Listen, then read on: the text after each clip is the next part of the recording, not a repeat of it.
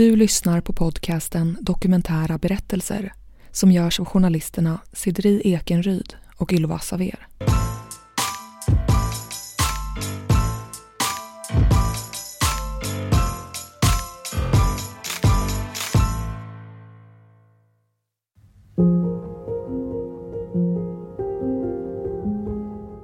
Det är ju så att man liksom... Man har ju blivit våldtagen helt enkelt. Och, och man är inte så, det är inte så kul att ha sex när man har blivit enkelt. Det är svårt att nå ut med att, att män blir misshandlade i nära relationer, både ver, verbalt och, så, och, och psykiskt och, och faktiskt eh, även på alla sätt. Det är ingenting som är självklart för gemene man. Kan en man bli våldtagen eller misshandlad av sin partner? När vi pratar om våld i nära relation pratar vi sällan om män som offer. Men i trygghetsundersökningar från Brottsförebyggande rådet uppger nästan lika många män som kvinnor att de är utsatta. Vi kvinnor är ju inte, har inte samma möjlighet med muskelmassa och så vidare. Och så vidare. Då är det mer att man använder som jag sa tillhyggen mera när man ska ha fysisk misshandel. Psykisk misshandel tror jag att vi tjejer är lika duktiga på, eller om man nu ska använda det uttrycket, eh, på att kunna använda det verbala språket, att kunna förminska och, och så vidare. Jag var ju rädd hela tiden i stort sett. Jag levde ju i en skräck. Så, liksom, Eh, liksom låg hon och sov i öppna kylskåp och det lät för mycket. Då blev jag rädd att, att, att jag skulle väcka henne eller någonting. Eller, och, ja, det kan ju vara, skulle jag gå ut med soporna och sa att du måste vara tystare. Liksom, då, ja, då blev det ju det liksom att man måste vara tyst när man går ut med soporna. Det blev liksom, tänk när går in i, det blir så svårt för man går in i en mikronivå med allting. Liksom. Man, man... Per blev fysiskt och psykiskt misshandlad av den kvinna han levde med i över 15 år och som han även fick barn med. Han vill i det här reportaget vara anonym. Därför har vi förvrängt hans röst och bytt ut hans namn. Alltså när vi träffades, hon, det som var kanske annorlunda för mig, att det var en människa som verkligen beundrade mig för det jag gjort och det jag arbetade med. Och, alltså det, och det jag jobbade med då. Och, och, och, det var kanske svårt att finna någon. Vi hade jätteintressanta samtal om de här sakerna och sånt där. Men, men de här tendenserna, de liksom... De började väl kanske direkt på tre månader bara. Men är man väldigt förälskad i någon då, då är det väldigt svårt att förstå det. Att det här är något, akta efter tusen, det här är farligt liksom. Jag, tror att det är precis som det var när jag diskuterade det här först i början. Att jag tänkte inte ens just det. I det här avsnittet har vi även Anna-Karin Sundén, socialpedagog och brottsförebyggare, om hur våld mot män i nära relation kan se ut att män kunde bli utsatta. För att för mig var det i stort sett, det var kvinnor som kan bli utsatta. Och det är fortfarande så att det är kvinnor som blir mest utsatta, men män blir också det. Och det, det tog lång tid innan, jag, innan det gick in. Så jag, jag har full respekt för att man inte tänker så från början. Huvudsaken är att man sätter igång tänket omkring det här och att det faktiskt är även ett problem eh, för män i nära relationer också. Den psykiska misshandeln som Per blir utsatt för kommer till en början smygande. Om vi var på fest eller någonting och jag pratade med en människa som inte hon kände, kanske mer än en eller två minuter, då ställde hon till en scen på festen. Och det där gjorde ju att jag blev väldigt uppmärksammad på att aldrig prata mer än en eller två minuter med främmande människor. Och, och det begränsar då väldigt mycket ens inre saker och ting. Det gjorde ju slutligen så att jag gick inte på fester på tio års tid. För att ja, det, hon ställde till scener och sånt. Och, Ehm, jag höll på med trädgård och hade en koloniträdgård och den kunde jag inte vara i därför att där hade hon ju klätt av sig naken och vid tillfälle och sagt att jag hade våldfört mig på henne och sånt och då kunde jag liksom inte vara kvar där. Ehm, fast jag aldrig hade gjort det. Men jag kunde inte vara kvar där för människor började misstänka mig för saker och ting och sånt där. Och mer av det våldet var att när jag sjukskrev mig kanske från jobbet någon gång. Då ringde de till jobbet och frågade var jag var någonstans. Och de sa att han är sjukskriven. Nej, men han är inte hemma. Så att sen när jag kom till jobbet så frågade de var jag hade varit. Och då sa jag att jag har varit hemma och var sjuk. Nej, men din sambo har ringt och vi har fått bekräftat att det inte är så. Och det skapade väldigt starka misstankar. Det gick så långt att jag kunde inte behålla det jobbet. Så det är den formen av psykisk form. Det handlar om kontroll Hon är då kontrollerande, eh, vill gärna att han ska bara bry sig om henne. Man säger nej till att träffa kompisar till slut och det är väldigt förnedrande, för, förminskande och eh, ja, man, man eh, rent psykiskt så, så bryter man ner och, och talar om att man inte duger och så vidare.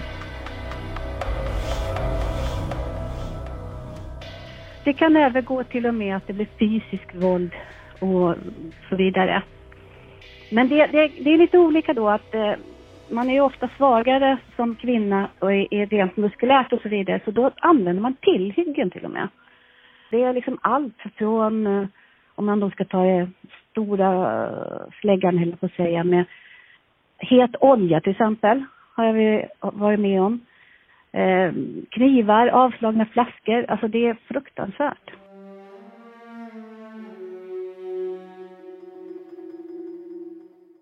Alltså man blir ju väldigt så här, om man har en människa som bevarar, alltså man, det är så svårt, man, är, man tror ju att man älskar den här människan då på något sätt va. Och älskar man, eller man kanske gör det också i början. Och, och då vill man att det ska vara bra och då vill man ju liksom lösa saker och ting. Om den är missnöjd med en då vill man ju tänka, ja men kan vi prata och lösa, lösa det här. Men, och det gjorde vi, men alla lösningar handlar ju alltid om hennes lösningar. Mina lösningar var ju aldrig, fick ju aldrig gälla.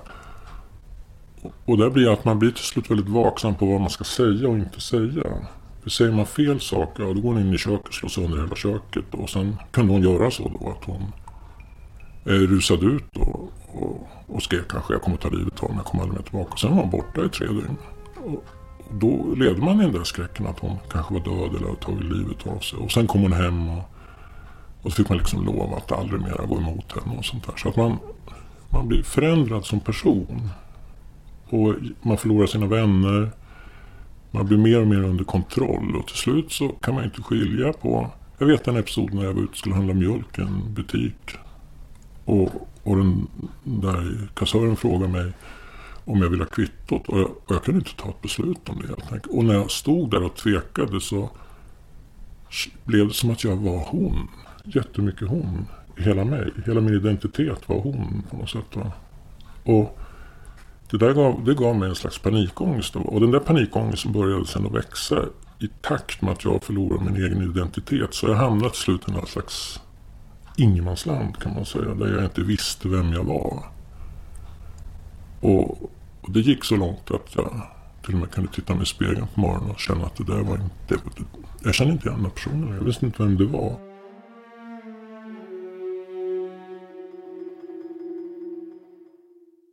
Jag var ju rädd hela tiden i stort sett. Jag levde ju i en skräck. Så, liksom, Eh, liksom låg hon och sov i öppna kylskåp och det lät för mycket. Då blev jag rädd att, att, att jag skulle väcka henne eller någonting. Eller, och, ja, det kan ju vara, skulle jag gå ut med soporna och så, det måste vara tystare. Liksom, då, ja, då då blev det ju det liksom att man måste vara tyst när man går ut med soporna. Det blev liksom, tänk när man går in i, det blir så svårt för man går in i en mikronivå med allting. Liksom man, man, men det svåra är ju där när man att man blir så isolerad i sin hjärna. Alltså att man blir, man blir den personen till slut. Och man är helt i händerna. Det här är svårt, folk har svårt att förstå det. Han vågar inte visa för någon vad han utsatts för hemma. För hade jag visat för någon i min omgivning det här då. Jag visade för en, jag berättade för en tjejkompis vid ett tillfälle och då kom det ju fram, då var jag tvungen att erkänna det. Och då eh, kontaktade min tjej, min tjejkompis och sa det att, eh, att hon skulle råka fruktansvärt illa ut om hon fortsatte ha kontakt med mig. Några dagar efter att han har berättat för sin kompis om vad han blir utsatt för vaknar han mitt i natten av att han får flera knytnävsslag i ansiktet. Och det gjorde att, som en varning då, av kontakt med andra. Och det gjorde att jag eh, inte vågade somna före henne. Och det gjorde att hon var väldigt upp sent på nätterna, ofta till två. Så, här. så jag kunde inte somna före två.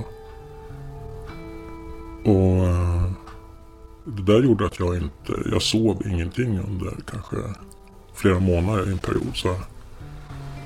Och det där gjorde att hela immunförsvaret pajade till slut. Jag kunde inte äta så att jag svalt ner mig till ja, så att verkligen benknotorna stack fram. Så. Men sen kom jag på också att det kunde vara min räddning. Så att jag svalt ner mig så mycket så att jag, eh, jag slutade äta helt och hållet då nästan i ja, kanske en tio dagar, en, två veckors tid. Liksom. Så tills jag fick sådana blodsockerfall så jag tuppade av på stan och sånt. Och då hamnade jag på sjukhus. Och då eh, var det en tjej där som var helt fantastisk. Jag tycker när jag låg där inne. De förstod inte hur det hade gått till, varför jag hade hamnat i det här läget. Och jag ville inte prata med någon. Och min sambo var ju där och hälsade på. Och jag var, kände mig jävligt trängd till henne. Och då var det en sköterska som såg, det, såg och frågade mig. Så du behöver inte svara på den här frågan. Men vill du inte att hon ska komma hit? Du kan bara nicka om du vill. Om du inte vill om det så ser vi till att hon inte kommer hit. Och då nickade jag. Och, och då stoppade de henne helt enkelt från det. Men jag, jag kom inte ur det då liksom. Utan då, men då började jag få hjälp helt enkelt.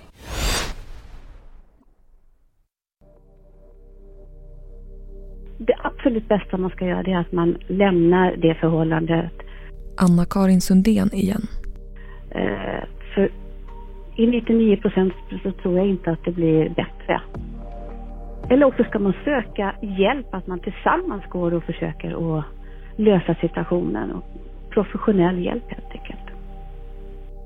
Om man misstänker att en anhörig blir utsatt för misshandel är det allra viktigaste att våga ställa frågan.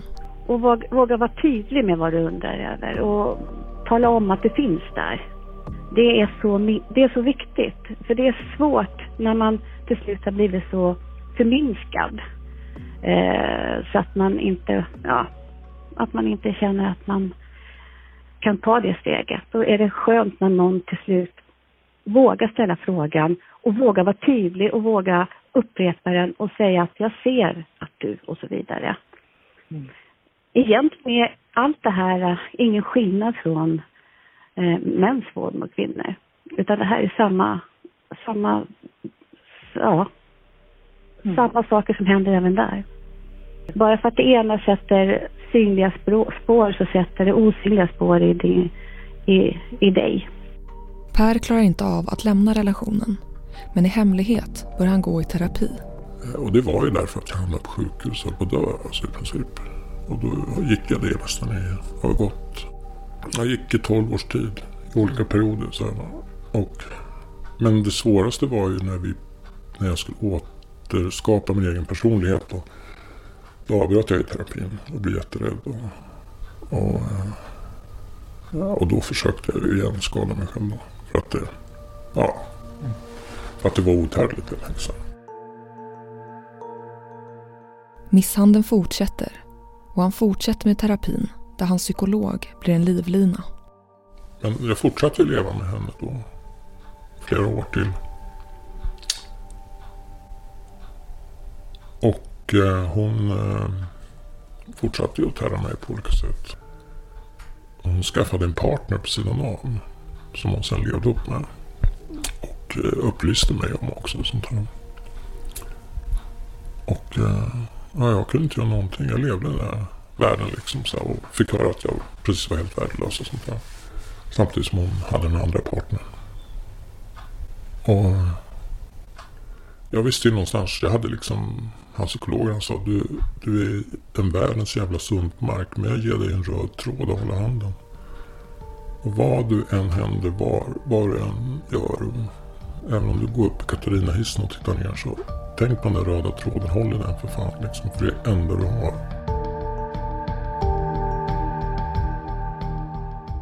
Under åren tillsammans har de fått tre barn ihop. Och när relationen väl tar slut påbörjas en lång och utdragen vårdnadstvist. Sen när jag kom bort från henne och var, levde själv och hade byggt upp mig själv igen. Gått i terapi väldigt länge och slutligen träffade den här en tjej då. Så, och, och mitt liv fungerade igen. I takt, då när hon och en nya tjej fick barn, då drog hon igång en vårdnadstvist mot mig. Och i den vårdnadstvisten anklagade hon mig för då kvinnomisshandel och massa olika saker och ting och sånt där. Och eh, under den här vårdnadstvisten så då bröt hon sig i alla fall in i vårt hem och slog på min dåvarande tjej. Eh, bland annat då sånt där. Och, och eh, min dåvarande tjej ringde då 112 och alltihopa. Och det samtalet var det tre minuter. Men det samtalet har försvunnit från 112 när det väl skulle handla om en rättsprocess. Och vi hon anmälde det som ett kvinnofridsbrott mot henne. Men det la polisen ner i brist på bevis. Trots att det fanns tre vittnen. En granne blir vittne till händelsen och försöker avbryta misshandeln. Och då anmälde hon honom för att ha misshandlat henne. Och det tog polisen däremot upp. Men det fanns inget, tre vittnen såg att det absolut inte var så, men det var det de lyfte i domstol. Anna-Karin Sundén arbetar också med Akillesjouren. En jour som erbjuder samtalsstöd för män och som startade 2014. Sen har det väl ramlat in ärenden till jouren. Och det är alla möjliga saker som, som kommer och de hör av sig från nästan hela Sverige faktiskt emellanåt. De är både psykiskt och fysiskt misshandlade på ett eller annat sätt och kan inte bo kvar. Eh, och de behöver stöd hur de ska ta sig tillväga som jag vet att eh, stödjarna de gör allt för att försöka hjälpa till och hitta någonstans där de kan eh, landa och att de får fortsatt hjälp och gå i samtal i Akillesjouren. Och naturligtvis samarbeta med socialtjänsten. Socialtjänsten är en otroligt bra och viktig samarbetspartner.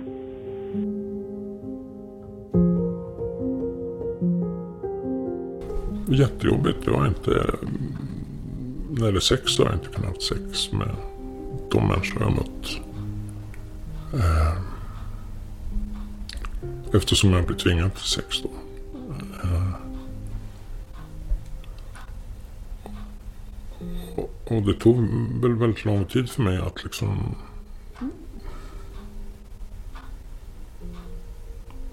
kunna säga till mig själv att det här måste få komma inifrån mig själv. Min lust att ha sex måste komma inifrån mig själv.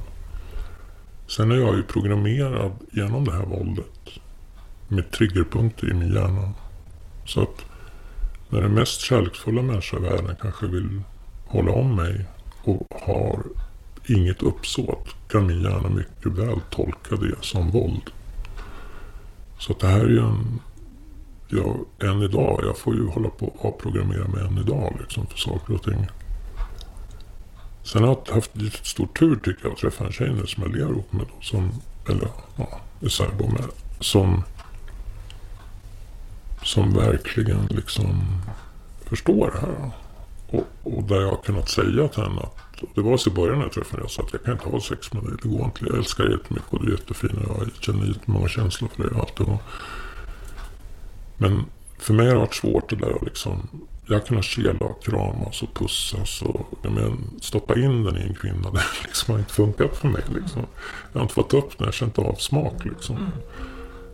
Mm. Och då har det varit en väldigt lång process att kanske hålla på, pröva lite grann och pröva kanske några 20 sekunder och, och sen bara dör den då. Liksom. Och sen har man bara slappnat av och legat och gosat och kramat. Insett att det är så här. Och sen genom den här förståelsen med varandra så har det byggts upp och idag funkar det jättebra. Men det, man liksom, man har ju blivit våldtagen helt enkelt. Och, och man är inte så, det är inte så kul att ha sex när man har blivit våldtagen helt enkelt.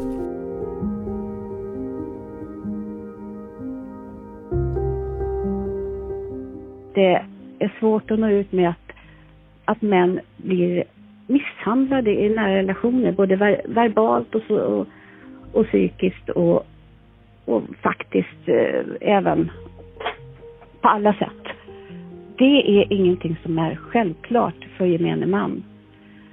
Eh, och det är viktigt att det, det kommer upp. Det andra är väl i sådana fall att det skulle vara oerhört bra om även eh, våldsutsatta mäns, eh, män kan söka medel till sin jour för, eh, från Socialstyrelsen, men det går inte idag. Det tycker jag är någonting som jag skulle vilja ändra på.